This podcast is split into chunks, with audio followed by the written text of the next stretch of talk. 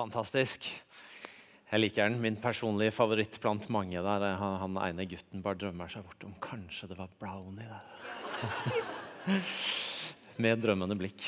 Du eh, Når vi ser dette, dette fortalt, når jeg har lest eh, eh, julefortellingen noen ganger gjennom denne uka, så slår det meg at i julefortellinga så er det veldig mye himmel og veldig mye jord. Det er mye av det som har med det overnaturlige, det ekstraordinære, det utrolige om du vil, å gjøre. Det som bare kan komme fra himmel, det som er, bare kan være Gud. Og så er det veldig mye som er veldig jordnært, som er jord, som er naturlig, som er oss mennesker og livet sånn vi kjenner det. Det er en kombo av en miks av de to bevegelsene i julefortellinga som, som på en måte veksler fram og tilbake. Det er historien om ei ung jente som blir gravid eh, ved at Den hellige ånd gjør henne gravid. Jeg har ikke hørt så mange andre historier om det. Der er historien om engler som åpenbarer seg på himmelen og både snakker og synger. Der er histor flere historier om drømmer hvor Gud åpenbarer seg, og engler åpenbarer seg i drømmer og taler til folk. Der er sånne helt overnaturlige historier som, som, som bare kan være fra himmel. Som, som, handler om om vil, det ekstraordinære, det utrolige, det som ikke bare skjer sånn til hverdags, men som det er noe, noe ekstraordinært ved, som det er Gud, som det er himmel over. Og Så er det samtidig vanlige folk. Og Vi hørte barna sine skildringer fra strallen av, av dyr og bæsj og alt det der veldig jordiske. Der er gjetere som går på jobben og gjør jobben sin. Der er folk som kommer i noen av de dilemmaene som vi mennesker kan komme i. av. Ja, Hva skal jeg gjøre, da? Skal jeg gå fra hun som har blitt gravid, og jeg har ikke noe med det å gjøre? Eller skal jeg følge den stemmen jeg hører som sier at jeg skal bli? Skal vi høre på han mektige herskeren som sier at vi skal komme tilbake og fortelle om det vi har hørt og sett?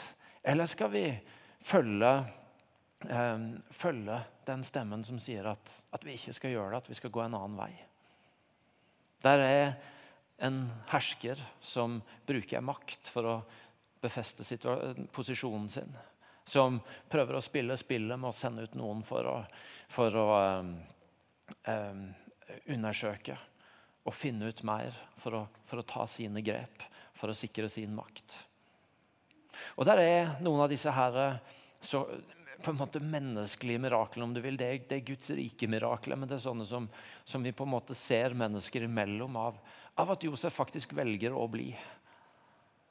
Eller at disse vismennene som er så mektige og som har så mye rikdom med seg, likevel velger å knele ned foran krybba til et nyfødt barn fordi de skjønner at her er det noe mer. Jeg tror dere tar poenget mitt. Jeg kunne lista opp flere eksempler, men her er det veldig mye himmel. Og her er mye jord. Her er mye av det overnaturlige, det Gud gjør og handler inn i vår verden. Og det er veldig mye av det som er veldig menneskelig, veldig jordnært, veldig virkelig oss mennesker imellom. Og så tenker jeg at det er jo veldig relaterbart for oss. At virkeligheten vår, livet vårt, er veldig sjelden enten himmel eller enten bare himmel eller bare jord. Men, men det er denne miksen. Når jeg ser tilbake på mitt 2019, så, så er det min erfaring at, at, jeg ser tilbake på ganske mange ting å takke for. Ganske mange ting som er Wow, Gud, gjorde du det? Ganske mange ting som enten var ting jeg ba om og håpa at skulle skje, og så ah, Wow, Gud, det skjedde. Eller Oi, der overraska du meg, Gud. Det var ikke det jeg venta. Men der er også en del fortellinger i 2019 om ting som var utfordrende, om ting som jeg måtte jobbe med og deale med og stå i, og som, eh, og som også var veldig kjennetegna av at livet her på jorda har noen utfordringer òg. 2019 på et personlig plan var mye himmel og mye jord. Og Hvis vi ser på det som menighet, så, så står vi også i og kan se tilbake på et år med mye av begge deler der i kveld. Dette ble jo en søndag med en liten sånn parademarsj av, av, mange gode ting vi får være en del av. Der jeg møtte Linda og KF-skoleelevene. Og, og, det er fantastisk for de som husker når vi begynte en skole med ni elever. Ni elever på en hel skole. Og så kan Linda stå her i dag og fortelle at det er 150 elever. Eh, denne høsten har vi begynt å bygge oppe på tomta. Eller i hvert fall begynt å gjøre tomta klar for å bygge. Vi er i gang med en ny, stor skole. Og jeg kan ikke treffe folk fra KF-skolen, lederne der, uten å få høre en historie egentlig om tilbakemeldinger de får på at skolen betyr en forskjell for elever som går der, for familier som er berørt av det. Hørte Jeg en historie tidligere for noen uker siden og meg som har gått der, som nå er videre til videregående, og som hadde blitt spurt av noen av sine venner om hvorfor hun var så mye glad. Og De syntes at hun var så mye gladere enn en, en de andre. Og så var hennes egen refleksjon at hun opplevde at hun hadde gått på en skole hvor hun hadde blitt spart for mange av de tinga, av sår og ting som mange kanskje opplever i ungdomsskoleåra.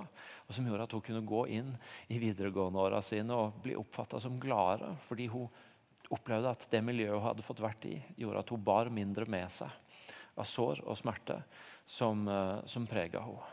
Og Det er bare én av mange sånne historier som Wow, Gud, vi, vi, fikk begynne med ni, og nå har du tatt oss dit. Og det bare fortsetter. Du har sett Steve stå her og fortelle om Agenda 1. Jeg husker for ti år siden når vi begynte inne i kapellet.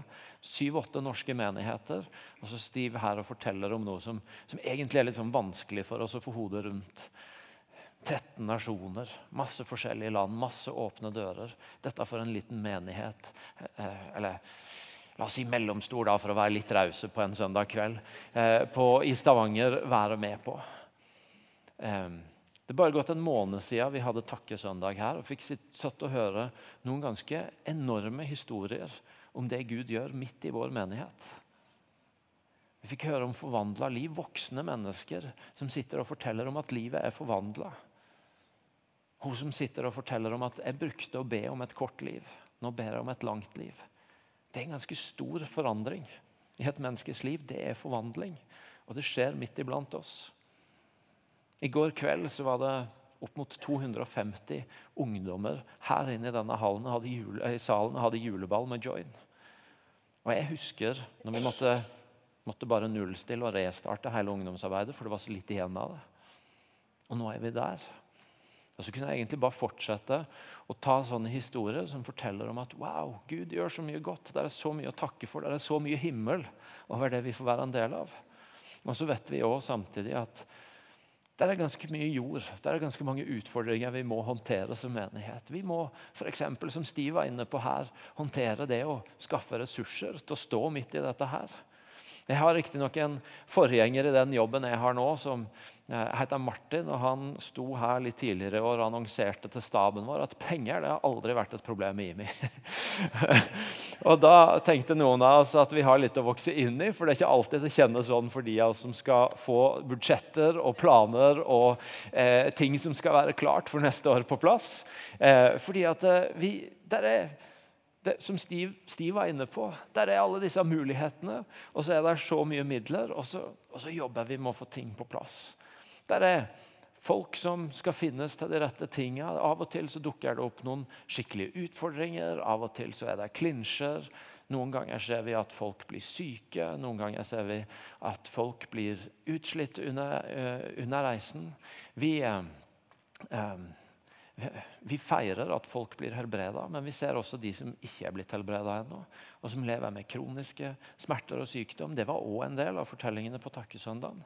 Vi lever både personlig og som menighet med mye himmel og med mye jord.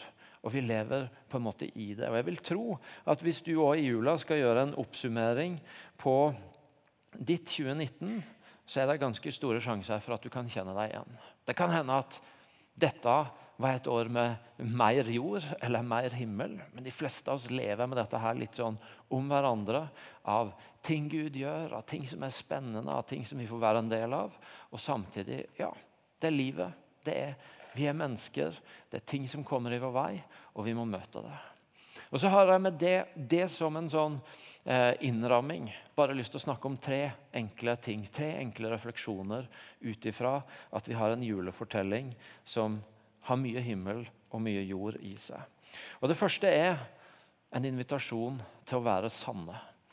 I det at julefortellinga har så mye jord i seg, At når Gud blir menneske, og når Gud velger å tre inn i denne verden, så er det så mye jord, det er så mye menneskelig, det er så mye eh, virkelighet som, som, det både er som, ja, som, Der er lukter i stallen, og der er vanlige folks utfordringer, og der er alt det der.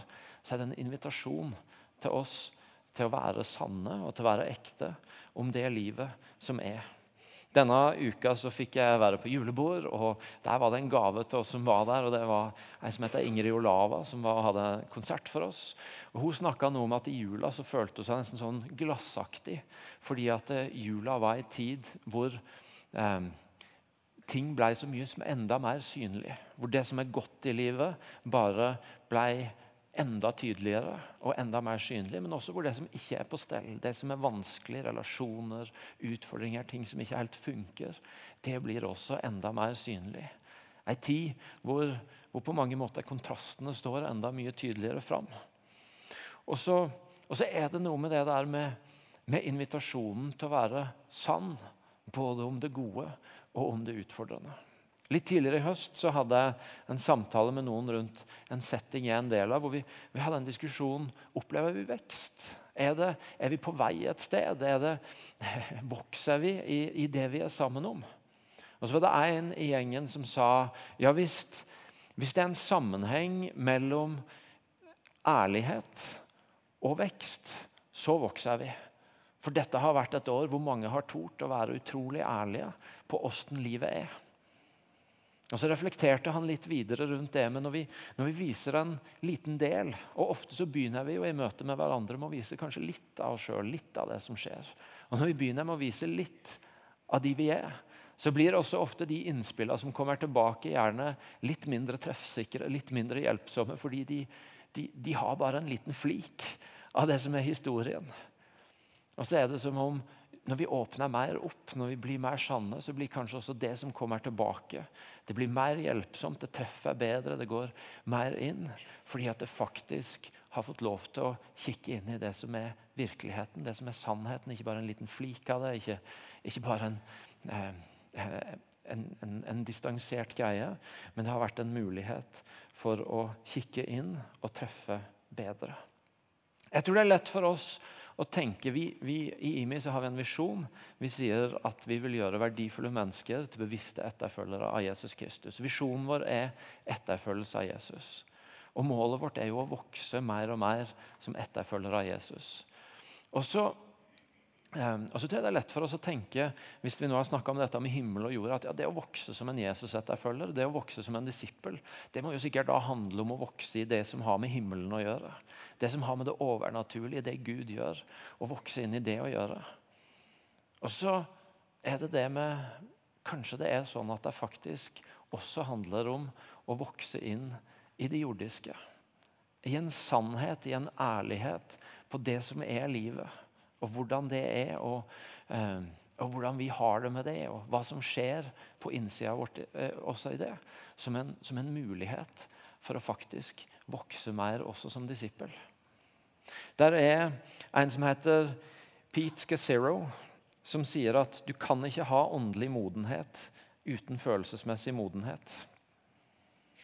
Du kan ikke ha åndelig modenhet uten følelsesmessig modenhet. Men det så mener han at du kan ikke forvente å bare vokse til himmels i alle de åndelige greiene hvis du ikke samtidig jobber med det som skjer på innsida di, det som er sjelen din, det som, er, eh, det som foregår i deg, og at det også foregår en vekst der. Gud er nådig, han er raus, han er fri til å gjøre hva han vil. Og han kan utøse sin ånd på hvem som helst, uavhengig av fortjenthet og skikkahet. Men som et utgangspunkt så må ikke vi gå i den grøfta og tenke at bare vi etterjager det åndelige, så er det ikke så farlig med det jordiske. Det er faktisk en sammenheng mellom vekst i de to tinga. Og det er en fundamentering i å få vokse i det som kommer fra himmelen, med å jobbe med det som er jorda, det som er det menneskelige, det som skjer på innsida vår. Og det er En som heter Ronald Rollheiser. Han har skrevet en bok om det å leve som en disippel i den voksne delen av livet. og Der har han bl.a. tatt tak i det som i noen sammenhenger kalles de syv dødssyndene. og så har han forsøkt å skrive inn noe av hva som kan være på en måte den aktualiserte utfordringa med de i den voksne delen av livet. Og Da skriver han om latskap. At latskap er å utsette og underminere det som er våre virkelige ansvarsområder. Ironisk nok så gjemmer vi ofte latskapen vår med å jobbe så hardt at vi ikke trenger å eh, deale med de mer den mer utfordrende oppgaven i å gjøre jobben på innsida vår. Han sier med andre ord han kaller det med andre ord latskap når vi fyller opp livet våre med så mye greier og så mye som skjer, og så mye travelhet at vi egentlig ikke har plass til og tid til og tar oss bryet med å gjøre jobben på innsida vår. Å få tak i hva som skjer på innsida, få tak i hva som skjer med følelsene våre, med tankene våre, med, med, med, med de tinga.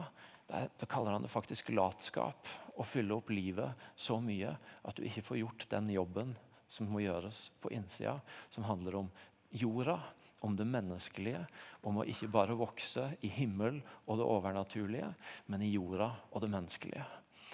Og Min erfaring i hvert fall er, og det, vi kan være forskjellig disponert på dette som mennesker, min egen erfaring er at de greiene der det er en jobb som må gjøres. Det er ikke bare å skru på bryteren, og så er du sann på livet. Og så snakker du sant om alt og har på en måte en kontakt med deg sjøl. Og, så er bare de greiene løst. Min erfaring er at det er en jobb som må gjøres. Det er noe du må rydde plass til i livet ditt og, og få tak i. Hva skjer på innsida mi? Hva er det jeg kjenner nå? Hva gjør de greiene jeg opplever nå med meg? Det er en jobb å gjøre å finne ut av hvordan, hvordan snakker jeg om det på en måte som gir mening. Hvordan, hvordan svarer jeg ærlig på hvordan jeg har det, uten å på den ene sida bare gi dette her bare bra-svaret som Gunnar Elstad, nå død, men, men, men en sånn viktig sjelesørger i staben vår, sa at hvis noen svarer 'jeg har det bare bra', så var hans svar 'blæ'. Fordi ingen har det bare bra. Det er ikke sant? Um, og på den andre sida at det er ikke alltid det passer å bare lesse ut alt heller. Jeg snakker ikke om sannhet og ærlighet som rop om oppmerksomhet, som sjølopptattheten eller sjølmedlidenheten. Jeg snakker om den jobben å faktisk finne ut av hva skjer på innsida mi. Hva kjenner jeg nå? Hva gjør dette med meg nå? Og på en meningsfull måte kunne våge sannhet til vekst for egen del og til mulighet for andre til å gi respons som gir mening, som gir hjelp. Som faktisk gjør at en får lov til å stå sammen. Og Det er en jobb å gjøre, som de fleste av oss må velge å gjøre. Og jeg tenker at i julefortellinga sitt bilde av så mye jord, så mye menneskelig Når Gud sjøl lander i denne verden, så ligger det en invitasjon til nettopp det. Jeg har tenkt på det den siste uka, hvor mye håp som ligger bare i det å være en disippel. Bare det å være en etterfølger av Jesus. Fordi det å være en etterfølger det er alltid å være underveis. Det er alltid å være i bevegelse. Et av de store spørsmåla for en etterfølger av Jesus er hvem er det jeg er i ferd med å formes til nå? Hvem er det jeg er på vei mot å bli? Jeg har sagt, sitert mange ganger før Dallas Willard sin, uh, sin uh, definisjon av disippelgjøringsprosessen som prosessen må bli den Jesus ville vært hvis han var med. Dette her må bli likedanna som Jesus, som ikke er å bli mindre deg sjøl, men å bli mer deg sjøl ved at Jesus tar form i den du er skapt til å være. Og Som betyr at gjennom alle de tinga vi opplever, er en del av, beveger oss i, så er det en prosess av hvem er i ferd med å formes til gjennom det. Å være en disippel er alltid å være i den prosessen, er alltid å være underveis. Og I det så er det veldig mye håp. For det betyr at hvis du akkurat nå er på et litt dårlig sted, hvis du syns at 2019 var mye jord og lite himmel, så er du allikevel underveis. Du er på vei mot noe. Du kan formes mot noe. Du er i bevegelse. Og det gjør at det alltid er et håp. Han sier at han er vår hyrde uansett om vi går på høydene eller ned i dalene. Og det er faktisk store muligheter, også når en er i det mørke, i det utfordrende hvis en velger å være sann på det. Hvis en velger å være ærlig på det. Og Det er, det, det er noe av nedsida ved å, ved å, ikke velge det. Ved å ikke ta det Rollheiser sier om den harde jobben på innsida. Nemlig at vi går glipp av noe av det Jesus kan gjøre i livet vårt i møte med de forskjellige tingene vi går igjennom. Så det er det ene jeg hadde lyst til å bare reflektere litt sammen med dere over i lys av juleevangeliet og, og, fortellingen, og at det er så mye jord. Det er en invitasjon til sannhet, til ekthet, til å ikke fornekte livet sånn som det er, men til å la det være en mulighet for å vokse som en etterfølger av Jesus. Det andre handler jo om at det er jo selvfølgelig også en invitasjon i julefortellinga til mer himmel. Til å få tak i mer av det Gud gjør og til å la det enda mer få en del av livet vårt. Og da tenker jeg at Når vi, når vi leser disse fortellingene om det, det ekstraordinære, det overnaturlige, det, det, som Gud bare gjør i disse fortellingene, så handler det veldig mye om at vi møter mennesker som får øye på det Gud gjør, og som har en ganske sånn umiddelbar respons på det. Som bare velger å handle på det.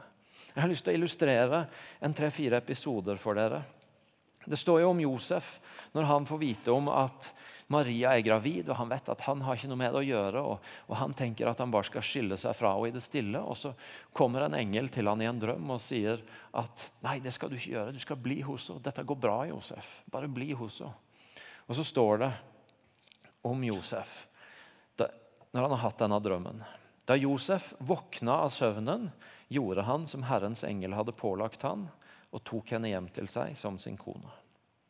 Da Josef våkna, gjorde han som Herrens engel hadde pålagt han. Der står ikke da Josef våkna, kjørte han en måned med bønn og faste for å finne ut er dette fra Gud eller ikke. Um, han, han, hadde ikke veldig lang prosesstid. Da Josef våkna av søvnen, gjorde han som Herrens engel hadde pålagt han. Han hørte hva Gud sa, og han handla på det.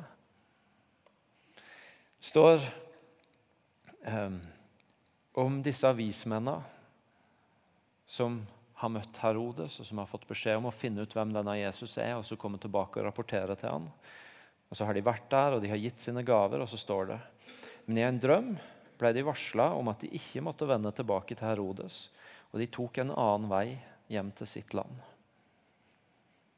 De ble varsla i en drøm, og de tok en annen vei. Gud talte, de handla står det om Josef igjen, som drømmer igjen. Det er en engel som viser seg i drømmen og som sier at han skal ta med seg mor og barn, og så skal de flykte til Egypt. Og så står det Han sto da opp, tok barn og moren med seg og dro samme natt av sted til Egypt. Igjen ingen lang prøvetid. Ikke masse prosess på hm, kan dette være Gud eller ikke. Han sto opp, tok barnet og moren med seg og dro sammen att av sted til Egypt. Og til slutt Jeg tror dere har begynt å ta poenget mitt, men jeg skal få én siste. Eh, englene, som har en vanlig Nei, dette sa jeg feil på G11 òg. Det var ikke englene som hadde en vanlig dag på jobben. Det, vil si, det kan være de, det var ganske vanlig for dem. Men gjeterne hadde en vanlig dag på jobben. Eh, ute på markene og så kommer det altså engler og taler til dem om, om barnet og, og, og, hvor de skal finne det, og at det skal ligge en krybbe. Og så står det da englene hadde forlatt dem og vendt tilbake til himmelen, sa gjeterne til hverandre. La oss gå inn til Betlehem for å se dette som har hendt, og som Herren har kunngjort for oss. Og de skyndte seg av sted og fant Maria og Josef og det lille barnet som lå i krybben. Få øye på det Gud gjør, og handle på det. Det er et mønster. Det er, det er kort vei fra noe Gud sier, noe Gud gjør, noe de får øye på, til at de velger å handle og bli en del av det. Og jeg tenker at Det er en invitasjon til oss òg i møte eh, med våre liv her og nå. Og møte med et ønske om å ikke bare ta være sanne om det som er den menneskelige sida av livet vårt, men med et ønske om også å ha mer himmel. Mer av det Gud gjør, mer av Guds inngripen inn i våre hverdagsliv så er det en ganske tydelig invitasjon til å få øye på det Gud gjør. Og til å bare gå på det. Til å handle på det. Til å bli en del av det. Og jeg tenker at en nøkkel Eller la meg si det først. og Mika 7,6, et vers jeg er utrolig glad i. Der sier han Men jeg, jeg vil speide etter Herren.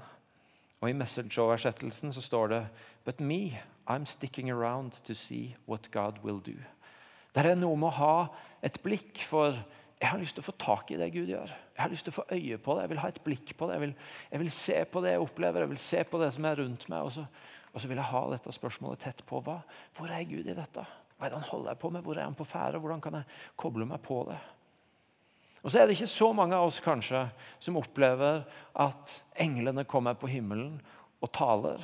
Eller at vi får disse her så tydelige drømmene som Josef fikk. Noen, noen blant oss forteller om at de ser engler. Og noen får profetiske drømmer. så det skjer det Men, men mange opplever kanskje at, at, det er ikke så åpenbart, det er ikke så tydelig tiltale. Og da tenker jeg at En av nøklene vi kan bruke for å få øye på det Gud gjør, det har med takknemlighet å gjøre. Det er med å velge og hele veien la livet ha en takknemlighetsside til med seg, hvor en velger å stoppe opp for og speide etter og sette navn på. Dette er det jeg har å takke for. Dette er her jeg ser Gud i livet, i det jeg erfarer, i det jeg er en del av nå. Salme 103, vers 2. La oss ikke glemme alt det gode Gud gjør. Det å ha den praksisen av å hele veien, enten en syns det er mye jord eller mye himmel akkurat nå i livet, og bare ha den praksisen av jeg vil, jeg vil sette navn på det gode han gjør. Jeg vil se etter det jeg har å takke for. Og så er det veldig ofte en inngang, inngang til å få øye på ja, her holder Gud på med noe. Noe av det som skjedde med oss som menighet med lys i mørkebussen, som er nede i, i byen, det var jo at, at, at vi begynte å, å, få øye på historien om det Gud gjorde når Einar Martin og et team i starten tok den bussen ned i Stavanger sentrum og snakka med folk og ba for folk. Og så, og så, begynte vi å legge sammen historiene om hva som skjedde der. Om folk som kom til tro, om folk som ble berørt, om kontakter de fikk. Og så gikk det opp for oss ja, men her gjør jo Gud noe. Vi kan jo ikke som menighet bare tenke at nei, de får bare holde på med det. Vi må jo ha et forhold til det. Når, når, når de Oi, de står uten buss. Da kan vi ikke bare tenke ok, Einar Martin, du får, du får, finne på en eller annen løsning. Nei, ok, vi må samle inn penger da, til å få på plass en buss. Og Så ga dere på én søndag 235 000 kroner. Det er litt av en respons. Og Så har det tatt litt tid, men i høst så er faktisk den nye bussen på plass. Og så fortsetter det. Men poenget er vi får øye på det Gud gjør. Vi, vi, vi får øye på vitnesbyrda, og vi skjønner at Gud gjør noe. Og så handler vi på det. Og Så kunne en gitt andre eksempler på det, men det, men, men, men det er en linje der.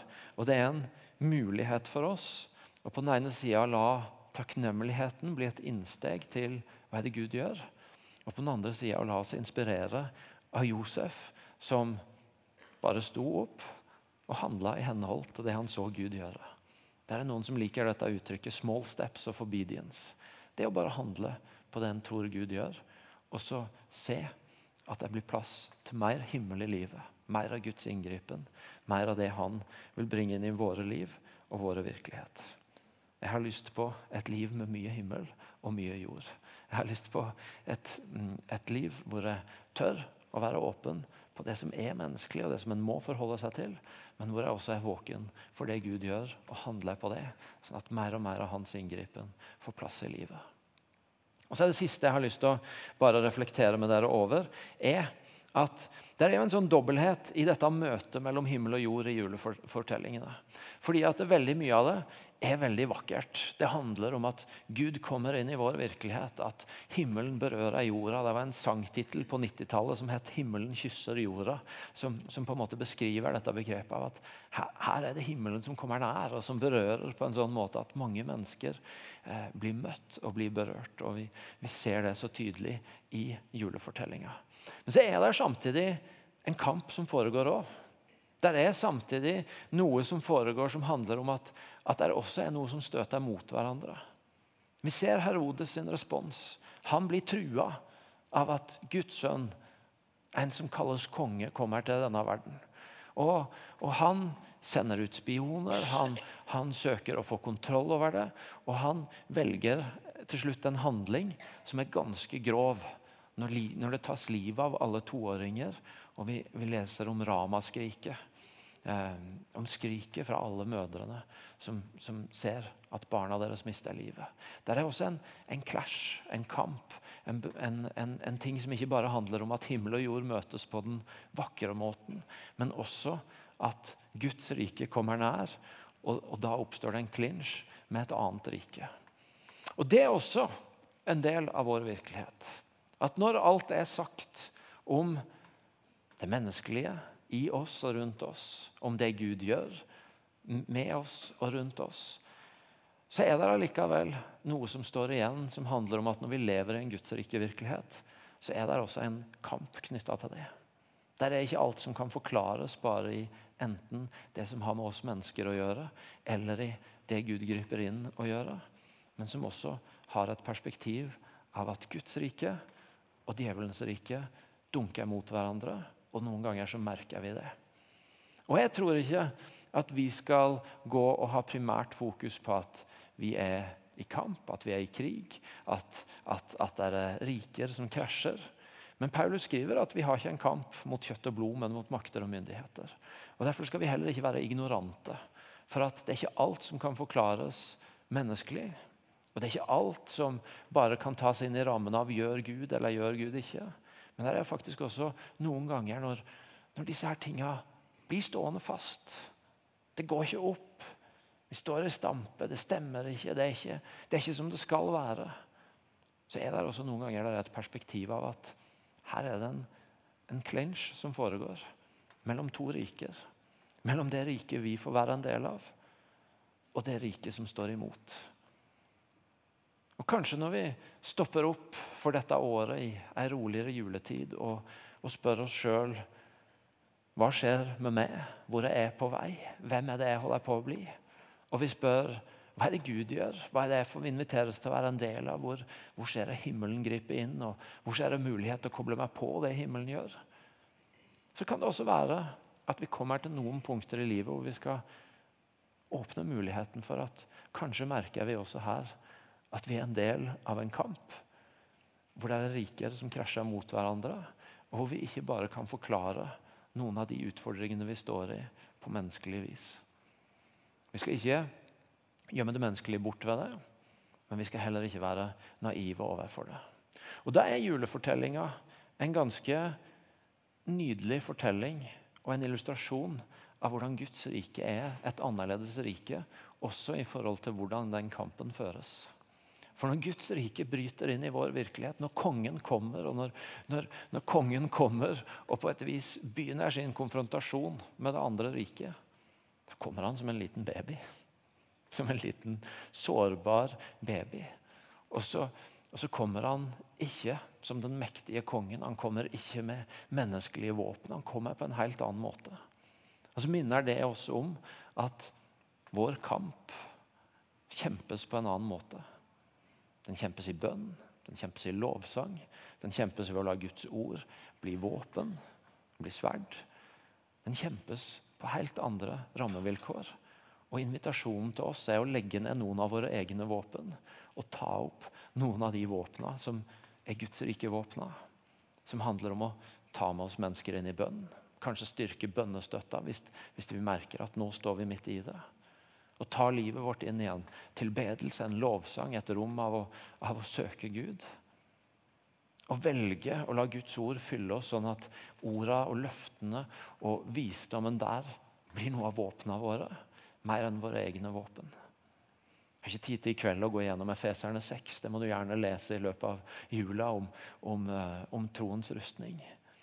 Men, men, det er noe med også å ha et perspektiv av at det er en kamp over det riket vi riket vi er en del av. Men vi har fått helt andre ting å kjempe den kampen med. Og hvis vi kanskje, når vi stopper opp, merker at ah, her er det ikke bare menneskelig. Her er det ikke bare de tinga vi sjøl må gjøre vårt indre arbeid på, eller håpe at noen andre gjør det på, men her er det også et stridsperspektiv. Så skal vi få plukke opp noen andre våpen.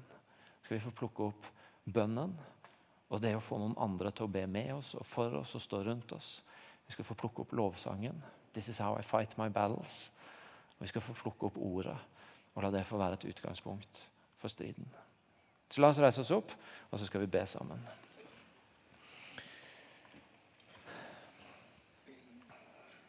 Jesus, takk for at du kom. Takk for at du er vår konge. Takk for at du er den vi følger.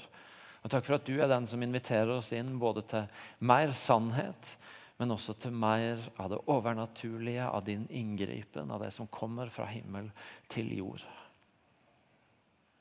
Jeg har lyst til å be deg for de her inne som akkurat i denne tida trenger det rommet til å bli sanne. Til å kjenne og til å sette ord på, til å tørre å komme nær og bli i det som er virkeligheten nå. Og hvor muligheten også Guds rike muligheten ikke ligger i å rømme fra, ikke ligger i å pumpe seg opp, men den ligger i å være sann om sånn det er, og tørre å bli i det. Jeg ber deg om at du i kveld skal gi de nåde til å tørre det, klarhet til å se det, og at du, Hellige Ånd, kommer med din klarhet og skiller mellom løgntanker og sannhetstanker i sinnet.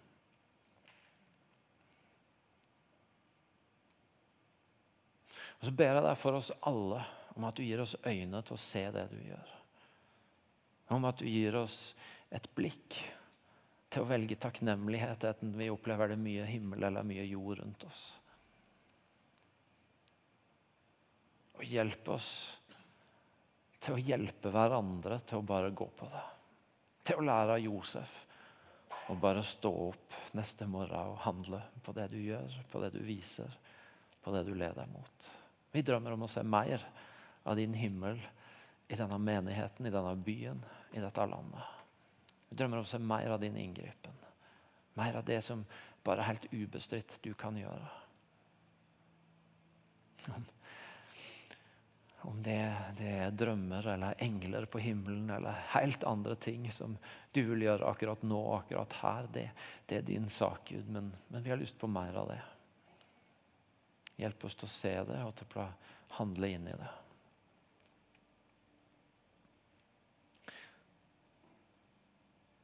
Hjelp oss, Hellige Ånd, til å se de av oss her inne som kanskje akkurat nå er en del av noe som, som ikke bare går opp fra et menneskelig perspektiv, men som har med at vi er en del av en kamp. Og som hjelp oss til å se hvis det akkurat nå det på en spesiell måte handler om våre liv. Og Hellige Ånd, led oss til å plukke opp de rette våpnene. Hjelp oss til å aktivere forbederne, til å gi rom for lovsangen, til å la ordet ditt tale. Og til å være slagferdige i møte med striden. På din måte og i henhold til ditt rike. Jeg ber deg om det for oss som menighet, og jeg ber deg om det for oss som enkeltmennesker. Kom, Hellige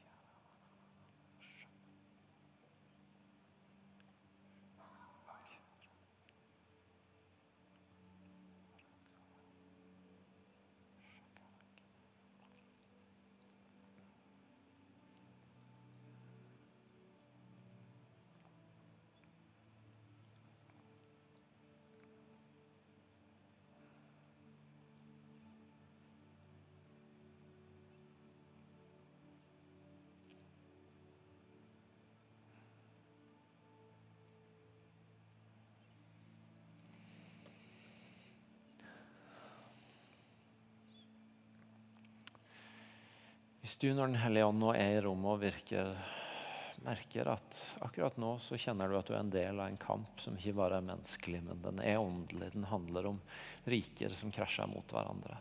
Så Jeg har lyst til å invitere deg til å gi han i været. så har jeg lyst til at du skal få erfare at noe av våpenet vi har, det er å stå sammen i bønn. Det er å ikke bare ta den alene, men å ta den sammen som fellesskap. Så gi han i været hvis du kjenner at det har med ditt liv å gjøre.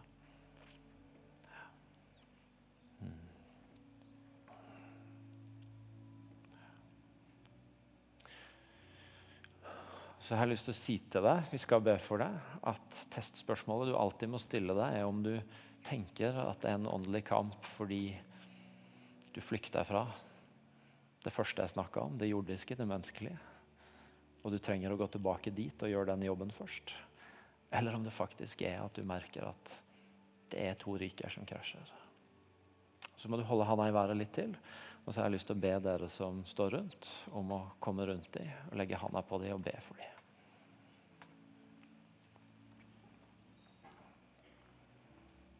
Hold handa i været helt til noen er kommet, sånn at vi er sikre på at alle blir bedt for.